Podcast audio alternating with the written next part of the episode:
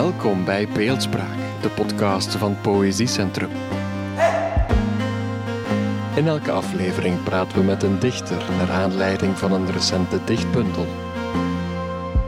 Elke maand met een andere dichter en een andere interviewer, maar altijd met heel veel poëzie.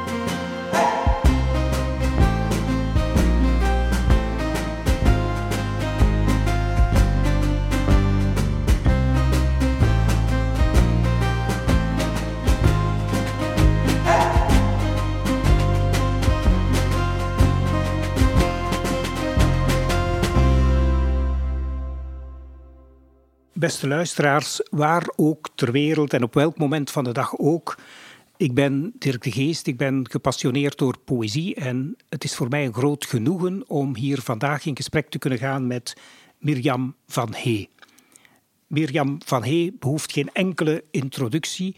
Haar werk is niet alleen bekend en veel gelezen, het is ook veelvuldig bekroond. Ik heb het niet nagekeken, maar ik vermoed dat zij samen met Hugo Claus ongeveer de enige dichter is die tweemaal de staatsprijs heeft gewonnen. De eerste maal de driejaarlijkse staatsprijs van de Vlaamse gemeenschap en twintig jaar later, exact twintig jaar later, de Ultima prijs. Die erkenning spreekt voor zich.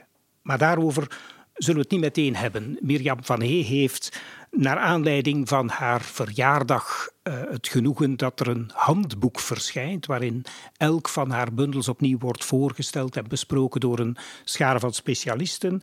En bij die gelegenheid verschijnt ook visueel dan uh, bij het Poëziecentrum op Poëzie Centraal een tentoonstelling over haar werk. En daarboven komt er nog een nieuwe bundel van haar uit uh, met de prachtige titel voor wie de tijd verstrijkt. Redenen te over voor een kort gesprek. Mirjam, welkom. Eh, de eerste vraag zou eigenlijk moeten gaan rond de titel van de podcast Beeldspraak. En ik wil het niet hebben over beeldspraak als zodanig, maar in jouw poëzie valt op voor de meeste lezers hoe je enorm visueel werkt vanuit het beeld, maar hoe tegelijkertijd dat beeld nooit realistisch wordt. Het is precies alsof de taal een beetje in conflict gaat met het beeld, alsof de taal iets wil toevoegen of iets wil wegnemen van dat beeld. Hoe zie je zelf die relatie tussen beeld en spraak in je werk? Um, eerst en vooral dag Dirk, uh, dank je wel voor de mooie woorden in de inleiding. Je vraagt mij naar uh, beeld en taal en dat is natuurlijk iets um, waar ik mij niet zo bewust van ben, denk ik, als ik probeer te schrijven. Um, maar het is zeker zo dat het visuele uh, in mijn leven erg belangrijk is. Bij vele dingen die ik doe. Um, daarom wandel ik ook zo graag, denk ik. Omdat je dan kijkt en alert bent. Ik heb ook vaak uh, een uh, grote aantrekkingskracht ervaren van de fotografie als kunstvorm. Vaak meer dan andere kunst. Uh, misschien speelt dat ook een rol. Maar um, natuurlijk, ik ben niet aan mijn, aan mijn debuut bezig op dit moment. Dus ik, ik besef ook wel dat um, meer en meer, hoe ouder ik word, dat uh, poëzie van taal gemaakt is. En um, ja, dat wat ik te zeggen heb, dat ik da daarvoor de juiste taal moet vinden. Iemand heeft ooit gezegd uh, bij, in, in, een, um, in een recensie op de radio dat je altijd die, die typische van heettoon mm kon herkennen. En uh, ja, ik was daar zeer gecharmeerd van. Ja, die is ook, die is ook natuurlijk heel erg typisch. Maar als je zegt, ik, ik ben zo lang bezig met poëzie en je leest je eigen werk. Uh, voor een stuk heb ik het gevoel ook dat die nieuwe bundel bijna gelezen kan worden als een soort van samenvatting van het werk. Want uh, er zitten heel veel gedichten in die zich binnenskamers afspelen. Er zitten gedichten in die reizen. Je hebt het gevoel dat op heel veel manieren eigenlijk deze bundel een soort kroon op het werk uh, genoemd kan worden. Maar als je zo lang bezig bent met poëzie, heb je voor jezelf het gevoel van ik schrijf nog altijd vanuit dezelfde noodzaak. En, of heb je het gevoel van ja, het is toch een andere dichter die op een heel andere manier kijkt naar de werkelijkheid, maar ook naar dat métier van het schrijven. Zou je vandaag de, de dingen van 30 jaar geleden, bij manier van spreken, nog kunnen schrijven? Nee. En ook op die manier? Nee, dat is mij onlangs duidelijk geworden omdat ehm, gedichten van mij op muziek zijn gezet en ik werd daarbij uitgenodigd om dat bij te wonen en daar waren gedichten uit mijn uh, eerste twee bundels en ik vond het erg confronterend, moet ik zeggen. Uh, ik denk dat ik toch ehm, niet meer dezelfde ben. Ik ben nog altijd... Uh, ik heb nog altijd het schrijven nodig, denk ik, om ehm, ja, omdat ik daarin het beste van mijzelf kan geven, blijkbaar. En, um, maar ja, ik ben wel geëvolueerd. Ik heb natuurlijk, ja, daarin, dat is inderdaad, zoals je zegt, misschien een, een samenvatting ook niet alleen van mijn werk, maar wat ik ook allemaal verworven heb um, in de loop der tijden aan, uh, ja, aan kennis van andere literatuur, van andere dichters, van uh, ja, vooral creatieve werken die ik tot mij genomen heb en zo. Dus, en ik heb, ik heb wel altijd um, een, een grotere een steeds grotere druk gevoeld om uh, niet onder mijn niveau te presteren. Dus dat komt er nog wel eens bij. Dat komt er ook nog bij. Dat ik het gevoel heb dat het meer werken is. En dat, het, dat ik vroeger het idee had dat het vanzelf ging. Dat ik maar hoefde in de juiste stemming te zijn. Dat ik maar hoefde uh, de juiste muziek te horen. En uh, het, het vloeide zo op papier. En er zijn dichters die dat nog kunnen, ook op oudere leeftijd. Maar um, bij mij duurt het langer eer ik tevreden ben over wat ik uh, op papier heb kunnen zetten. Nu ja, we hebben als lezers lang moeten wachten op deze bundel, uh, terwijl er wel ondertussen her en der allerlei gedichten van je hand verschenen. Hoe zie je de relatie tussen die afzonderlijke gedichten en een bundel? Schrijf je met een bundel voor ogen? Of heb je op een bepaald ogenblik een idee van dit wordt mijn bundel? Of is het veel eer zo dat de structuur op het eind wordt bepaald en dan gekeken wordt van wat ligt er, wat ligt er voor? Het, is inderdaad zo dat ik na een bepaalde periode zie, kijk, dit heb ik. Uh, kan, kan dit een bundel vormen? Zijn daar um, cycli in te lezen? Kan ik daar, ja, kan ik daar, kan ik daar structuur in brengen? Um, en, en op dat moment ga je daar inderdaad een beetje naartoe werken. En dan zeg je, hier moet nog iets bij. Daar, hier ontbreekt een gedicht. Of die gedichten, uh, van die twee moet ik één maken. Of ik kan het ook anders doen, van één gedicht, daar zitten misschien twee gedichten in.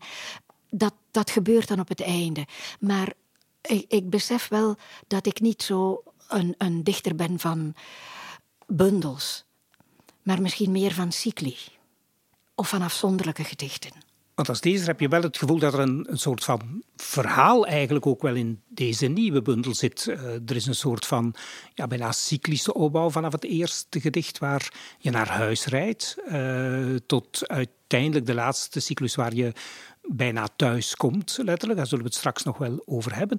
En ondertussen en onderweg, bij manier van spreken, ben je vergereisd en ben je heel dichtbij gereisd. Uh, ik heb het gevoel dat die reis voor jou wel heel erg essentieel is. Niet alleen uh, als thema van het schrijven, maar misschien ook wel om tot schrijven te komen. Uh, en in deze bundel zitten massa's neerslagen van reizen, uh, verre reizen.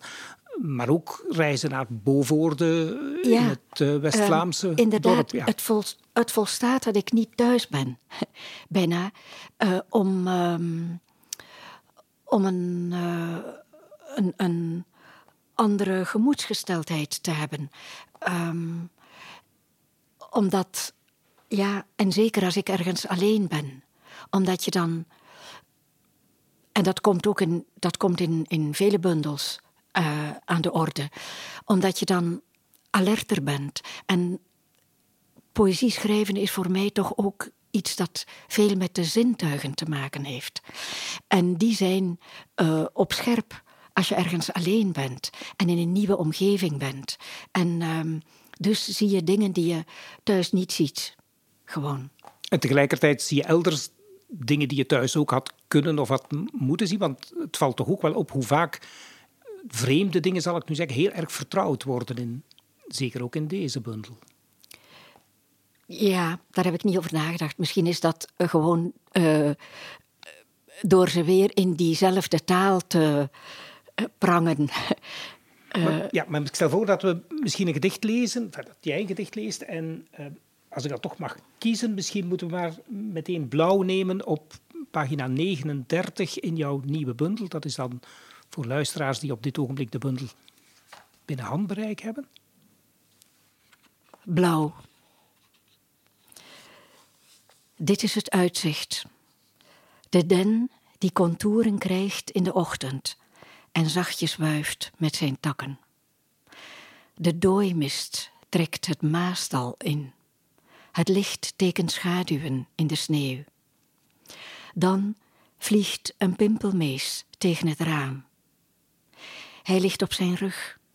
Nog even spreidt hij zijn staart en zijn veren.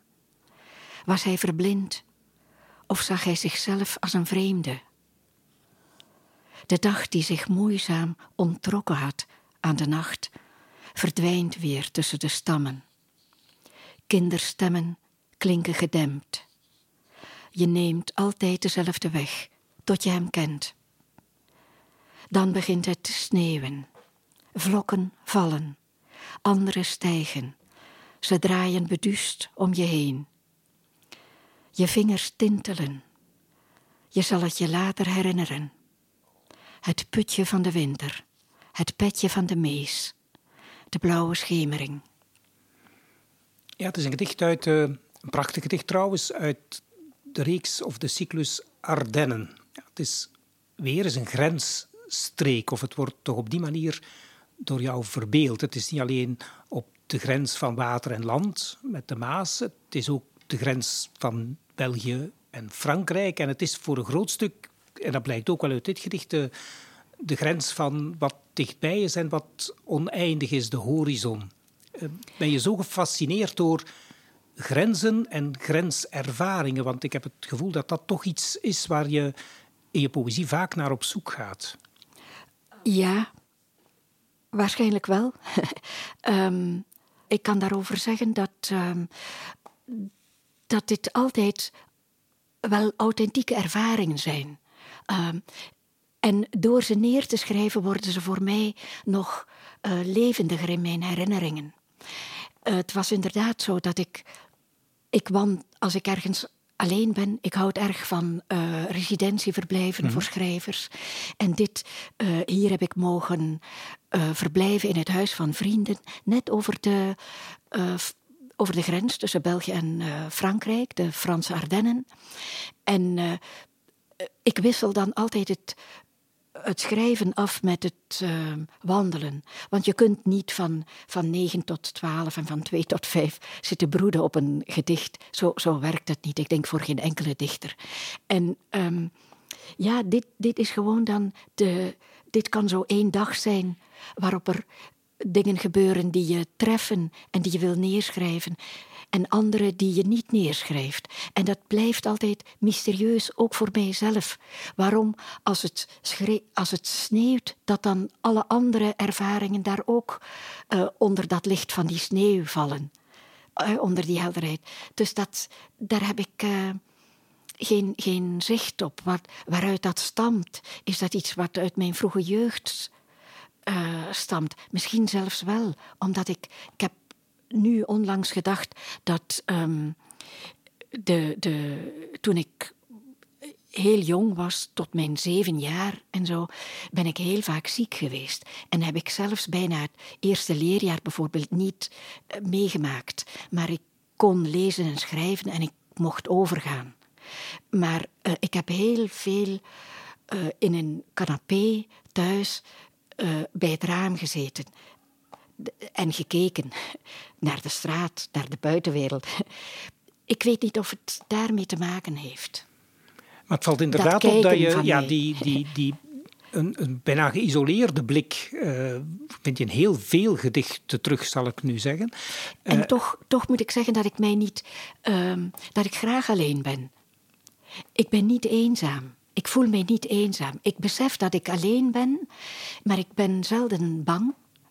En uh, het, ja, het is een soort eenzaamheid die ook een geluksgevoel, die dicht bij een geluksgevoel kan liggen.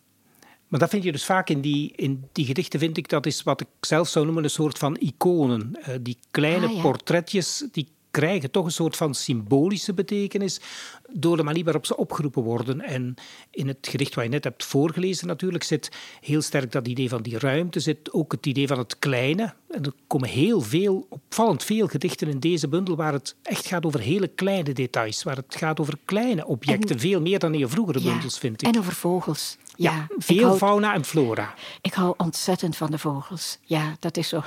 Maar uh, het is, het is uh, het, valt mij op dat je spreekt over iconen. Daar zou ik zelf nooit aan gedacht hebben. Maar inderdaad, uh, misschien is uh, veel betekenend dat, je, dat men in het Russisch vaak, bij, als men het heeft over iconen en, en over alles wat daar rond is, over die, de muziek ook die bij de orthodoxie de orthodoxe godsdienst komt kijken, dat men het daar vaak heeft over uh, twee tegengestelde begrippen. Op het eerste gezicht tegengestelde begrippen. Bijvoorbeeld een, um, een, een droevige blij, blijheid of zoiets. Of een, uh, ja, daar, daar spreekt men bijvoorbeeld uh, in verband met het, uh, met het, uh, het werk van André Rublev, de grote iconenschilder. Mm. in, in dat verband spreekt men vaak over een, ja, over een, een eigenlijk een, een droefheid die het gemoed verheldert, die het gemoed blij maakt, zoiets. Dat is, in, dat is in feite ook wel een beetje de teneur, vind ik, van de meeste gedichten in de bundel. Het is melancholisch, maar het is geen negatieve melancholie. Het is in tegendeel een, een heel ja, bijna optimistische, het, het, levenskrachtige Ik denk inderdaad dat er, dat er veel troost... Uh, dat, er, dat het een troostvolle... Uh, een troostvol landschap is. Maar het is wel een bundel waarin, vind ik dan zelf, het verval en het wegvallen en het versmallen en het verdwijnen en uiteindelijk de dood, ook al wordt die zelden zo genoemd, veel prominenter wordt. Ik, ik denk dat inderdaad dat dat het geval is, maar dat was al aanwezig in mijn vorige bundel. Uh, daar is ook een, een cyclus die op het einde staat en uh, waarin ik uh, heel, daar wel heel eenzaam was.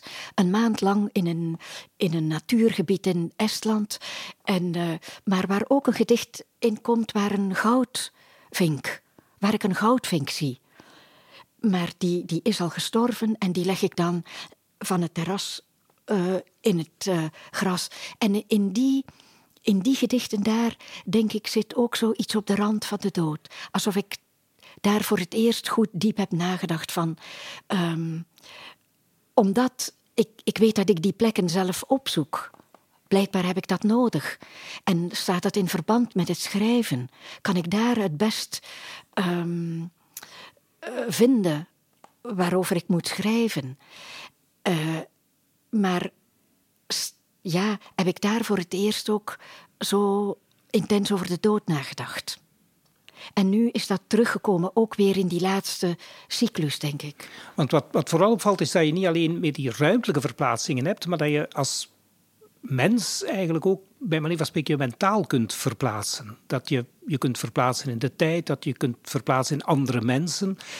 Ja, misschien uh, is. Ik, ik vind het ergens normaal in een mensenleven. Dat je.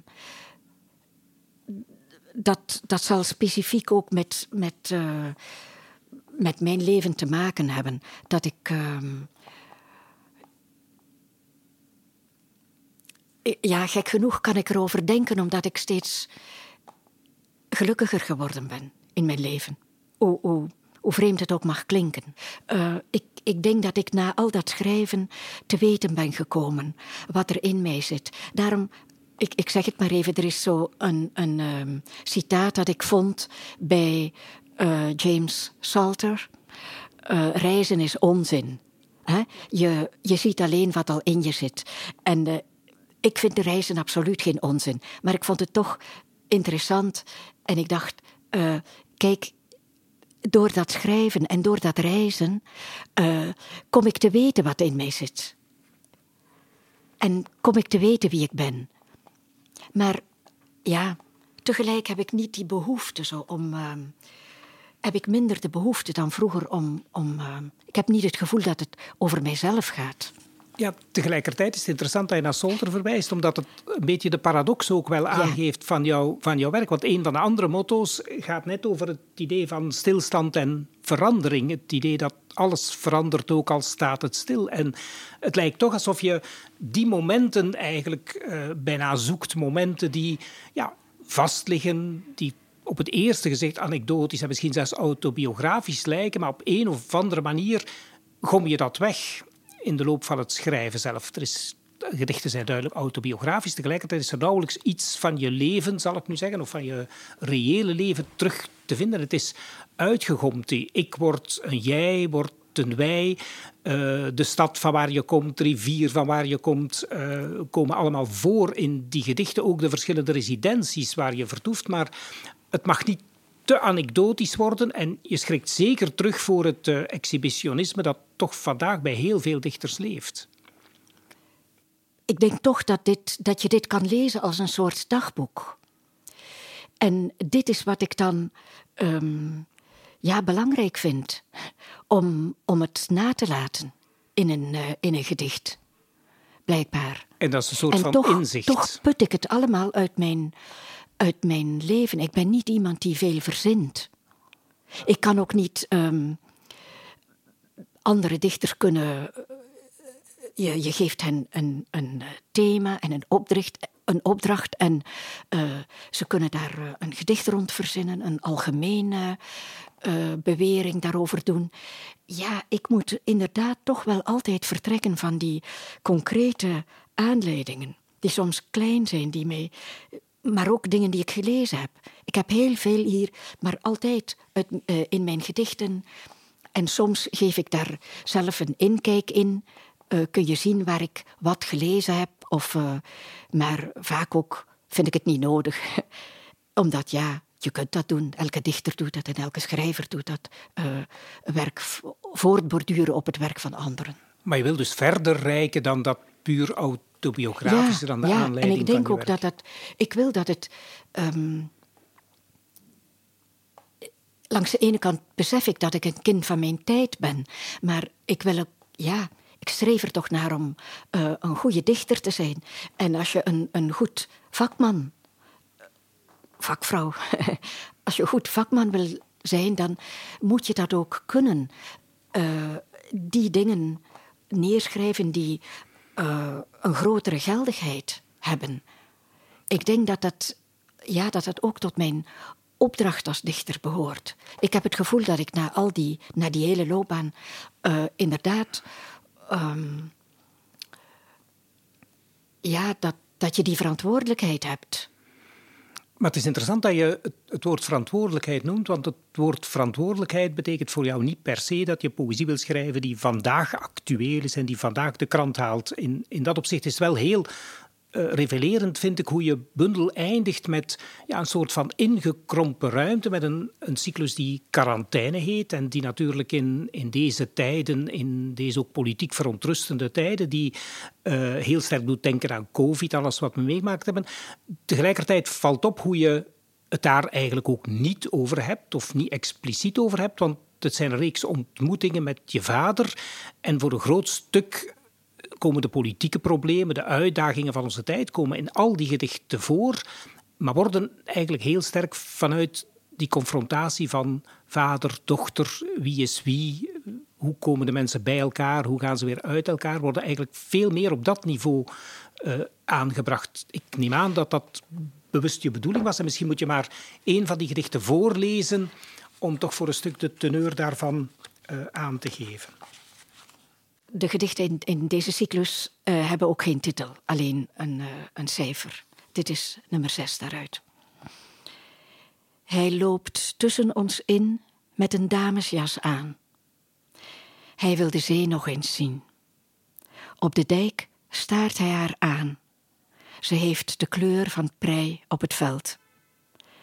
De geur van mosselen doet hem aan Engeland denken. Zijn gewichtsverlies baart hem zorgen. Hij slaapt slecht. Het was tegen twaalfen en hij was nog nergens. Hij is zijn Russische atlas kwijt, maar weet ons precies de afstand te zeggen die Moskou van Brest scheidt. 1067 kilometer. Daar hebben wij niet van terug. Hij draait zijn hoofd naar me toe. Zijn masker waait weg. We lachen. Hij is nu de enige zonder gezichtsverlies. Ja, het is een mooi gedicht, maar het laat eigenlijk ook weer diezelfde dynamiek zien. Je hebt een heel realistische anekdote, een realistisch verhaal. Mensen die gaan wandelen en er is een masker bij, dus dat zegt ook al iets. En tegelijkertijd gaat het zoveel verder. Het gaat over verbeelding, het gaat over de troost die cijfers kunnen hebben, ook voor een groot stuk. Uh, want daar heb je het ook heel vaak over, dat je vader eigenlijk iemand is die vasthoudt aan cijfers. En voor hem zijn die cijfers bijna ik, ja, poëzie. Ik, ik heb hem in deze cyclus willen typeren. Uh, zoals ik hem nu ken en ook af en toe zoals ik hem vroeger kende. En um, het, is door, ja, um, het is alsof ik op deze manier ook een. Hij heeft een waardig leven geleid. En alsof ik hem in deze gedichten ook een. Uh, onze verhouding was niet gemakkelijk. Het, is een complexe persoonlijkheid, maar alsof ik hem toch uh, in zijn waarde kon laten. Uh, door op deze manier over hem te schrijven. Um, dus ik, ik, kom weer bij, bij de taal terecht. Op het is de taal die mij veel gesteund heeft en veel uh, bijgebracht heeft ook, eigenlijk. Um, en dat, ja, dat, dat doe ik graag, zo spelen met, met zo met die woorden, zonder dat het, zonder dat het eigenlijk gezocht lijkt. Mhm. Dat het uh, toch op de juiste plaats terechtkomt. Dat gezichtsverlies en dat gewichtsverlies. En dat, dat woorden een dubbele betekenis kunnen hebben. Daar houd ik ontzettend van. Ja, en tegelijkertijd hou je ook wel, want dat is ook wel typerend voor jouw toon, van een soort van aarzelende toon. Het is een soort spreektaal, maar het is een taal die vaak ontspoort, die zich herneemt. Uh, dat, dat heeft ook te maken met de, de vorige vraag die je stelde. Ik, ik ben niet, uh, ja, ik, dat is mijn natuur. Uh, en dat komt ook door die vader, die mij toch in lange ja, in mijn prille jaren gevormd heeft en uh, opgevoed heeft. En um, hij, hij, was zo iemand die um, altijd uh, de kerk in het midden wilde houden. Die vond dat je nederig moest blijven. Uh, die, die vond dat je niet te, te veel moest aanschurken bij andere maatschappelijke klassen en zo, als ik het zo kan, hm. kan zeggen. Maar um, ja, dat, dat is. Ik ben, ik ben ook geen tafelspringer. Ik ben niet iemand. Ik zou nooit goed zijn voor, voor de politiek. En uh, ook, al, ook al volg ik dat allemaal, volg ik alles wat in onze samenleving en in deze tijd gebeurt. Maar um, dit is niet mijn taal, of moet ik zeggen, mijn taal leent zich daar niet voor. Um, ik, ik stel te veel vragen. Uh, een, een, politicus moet antwoorden bieden. Maar ik denk een dichter moet uh, vragen stellen, moet zich verwonderen, moet uh, de, alle kanten van een probleem proberen benaderen. ja. Ik wil nog daarbij zeggen, ik ben natuurlijk ook niet alleen dichter. ik ben ook een, een moeder en vrouw en ik heb lesgegeven. dus dat zal daar ook allemaal wel een, ergens zijn neerslag in gelaten hebben. Ja, het valt mij op hoe je zo krachtig spreekt over die poëzie, hoe je tegelijkertijd ook die broosheid in stand wil houden. Dus ik, ik zie wel in, in deze bundel en eigenlijk met terugwerkende kracht in jouw hele werk, zie ik een enorm pleidooi voor kwetsbaarheid en voor de kracht van kwetsbaarheid. Dat is misschien wel het belangrijkste thema achteraf gezien in jouw hele oeuvre. Eigenlijk wel. En um, het is eh, ook tegenstrijdig dat je, uh, dat je over heel intieme dingen kunt schrijven en dat je daarmee um, je een plaats in de samenleving kunt verwerven. Dat heb ik altijd inderdaad. Maar ja, dat is iets wat, wat mij, het is iets wat mij sterk gemaakt heeft. Want een treffend beeld dat je gebruikt in deze bundel is het beeld van een niet-ontmoeting. En ik heb mij vaak gedacht van ja, dit is misschien wel het ideaal wat Mirjam van voor ogen heeft, maar ook het ideaal wat ze met haar lezers voor ogen heeft. Ja, en toch betekent dat inderdaad uh, die niet-ontmoeting uh, betekent heel veel. Het, je kunt het in verband brengen uh, met, met uh, die hele COVID-toestand nu. Dat je, maar uh, voor mij was de niet-ontmoeting. Deed mij dat in de eerste plaats terugdenken aan uh, de poëzie van de Russische dichters. Uh, de eerste helft van de 20e eeuw. Maar ja, ik wil daar ook niet te ver over uitweiden. Uh, maar het is, het is een enorme, dat heeft een enorme schat aan wereldpoëzie. Maar Achmatov van Mandelstam hebben jou wel en, gevormd. ja, ja, ja. En dat heeft voor mij um, veel, vele schrijvers en dichters uh, hebben Germaans gedaan, maar ik heb slavistiek gedaan. En dat heeft mij dus de rijkdom van nog een hele andere wereld uh, bijgebracht. En uh, bij Akhmatova was dat heel bewust gebruikt, de niet-ontmoeting, um, omdat uh, omdat ze werkelijk heeft moeten afzien van kostbare ontmoetingen, uh, omdat het veel te risicovol was, omdat ze een, op dat moment een zoon had die gevangen zat. En dat had uh, politiek gezien heel veel gevolgen kunnen hebben. Maar ook de tijd was zo. Je, je kon mensen met wie je heel goed bevriend was op straat in de verte herkennen en dan de straat oversteken, omdat het niet mocht ge geweten zijn dat je ze kende en zo. Dus voor mij heeft het, eh, het, het gedicht kan zo switchen. Mijn gedicht uh, vertrekt in de huidige tijd. Ik was in Bovoorde, inderdaad. en uh, ik zag daar uit het raam gewoon iemand die de, op, op de begraafplaats liep. En dan kan ik zo mijmerend toch in een heel andere wereld terechtkomen. Ja, met hebben het over niet-ontmoeting, we hebben het over vrienden gehad. Daar heb je het ook opvallend vaak over, over jouw ontmoetingen met mensen en hoe intens die kunnen zijn. Misschien moeten we even vooruit kijken. Je bent bezig op dit ogenblik, denk ik, met het geschenk voor de Poëzieweek. En dat is vrij uniek. Dat ga je samen doen met Hester Knibbe. Hoe werkt dat, zo'n samenwerking? Ik vond het niet. Uh, ik vond als ik het met iemand samen zou moeten doen, dan met uh, Hester Knibbe. Omdat we inderdaad uh, al heel, heel lang bevriend zijn. Uh, ik heb haar ooit ontmoet uh, op Poetry International toen ik nog in de dertig was, denk ik. En ik heb mij altijd heel, um, heel vaak eenzaam voelde in andere gezelschappen.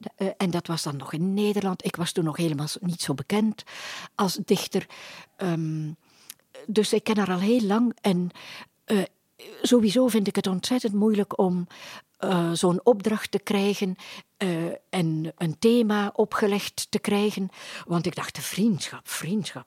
Uh, ja, dat is iets wat, wat heel vaak vervalt in iets heel positiefs. En je kunt niet zeggen dat mijn werk zo altijd over positieve dingen gaat. Ik zeg trouwens, en dat verklap ik nu, hoewel ik over die gedichten weinig mag verklappen, maar er, er staat een zinsnede in die ik ergens uh, gelezen heb. Waarom is het tragische altijd zoveel heiliger dan het blijde? Ik heb, moet dat gelezen hebben en ik heb dat verwerkt in, in een van die uh, dichters, omdat ik daar dan verbeeld. Maar ook daar, in deze cyclus, is het heel typisch dat Hester heel goed kan schrijven, uh, heel goed een gedicht kan, een wereld kan verzinnen en daar een heel mooi, gaaf gedicht over kan schrijven, dat helemaal klopt in haar taal. En dat uh, ik dacht, ja, hoe, begin ik daaraan? Maar dat heeft mij ook geholpen. Dus uh, ik lees zij had haar gedichten onmiddellijk klaar, bijna. Toen ik nog dacht, ik ga het niet kunnen, ik ga er niet in slagen, omdat ik niet wil weer onder, uh, ja, onder dat niveau werken. Ik vind het heel moeilijk om iets uh, voor een bepaalde tijd, voor een kleine gelegenheid uh, te schrijven. Voor een bepaald publiek. Ik wil altijd weer aan diezelfde normen die ik mezelf opgelegd heb. Uh, schrijven. Maar, en toen ik het tweede gedicht had, toen hij stimuleerde mij en ze zei, dat is goed, uh, het is prachtig. En ze is, ze is iemand die heel, uh, ja, heel krachtig is als mens en als dichter. En dus dat heeft mij geholpen om het toch te proberen. En dan na het derde gedicht wist ik, ja, dit komt in orde. Maar het heeft lang geduurd. Aan het eind van dit gesprek, want helaas moeten we dit gesprek eh, stilaan beëindigen, ja, wordt het tijd voor iedereen om naar huis te gaan, zal ik nu maar zeggen. De mensen die in bad geluisterd hebben, die moeten zich dringend gaan omkleden. De mensen die gejogd hebben, die moeten dringend de weg naar huis vinden. En de mensen die op dit ogenblik aan achter het stuur zitten en zich ergeren over de files, uh, komen stilaan tot het besef dat ook daar het thuiskomen uh, nadert.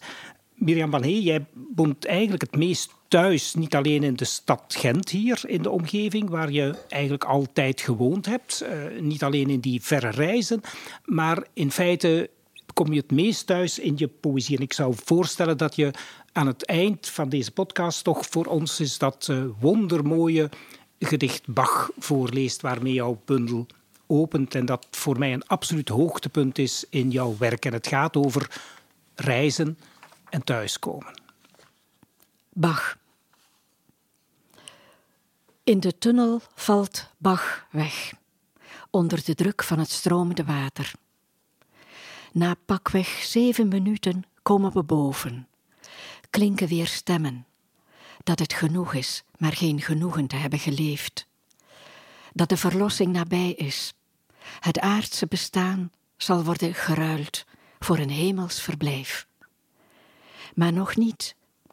Wij rijden door havengebied. In de verte fonkelen lichtjes, als van pretparken in de avond. Naast ons rijdt een trein, met onzichtbare waren de duisternis in. Je kunt voor de snelste of kortste weg kiezen. Wij zoeken een andere, met aan weerskanten bomen. Naar de stad die moeilijk te vatten is, maar waar wij wonen, aan het water, dat s'nachts als vloeibaar zilver onder het maanlicht stroomt. Wie nu niet naar de boekhandel loopt, heeft iets gemist.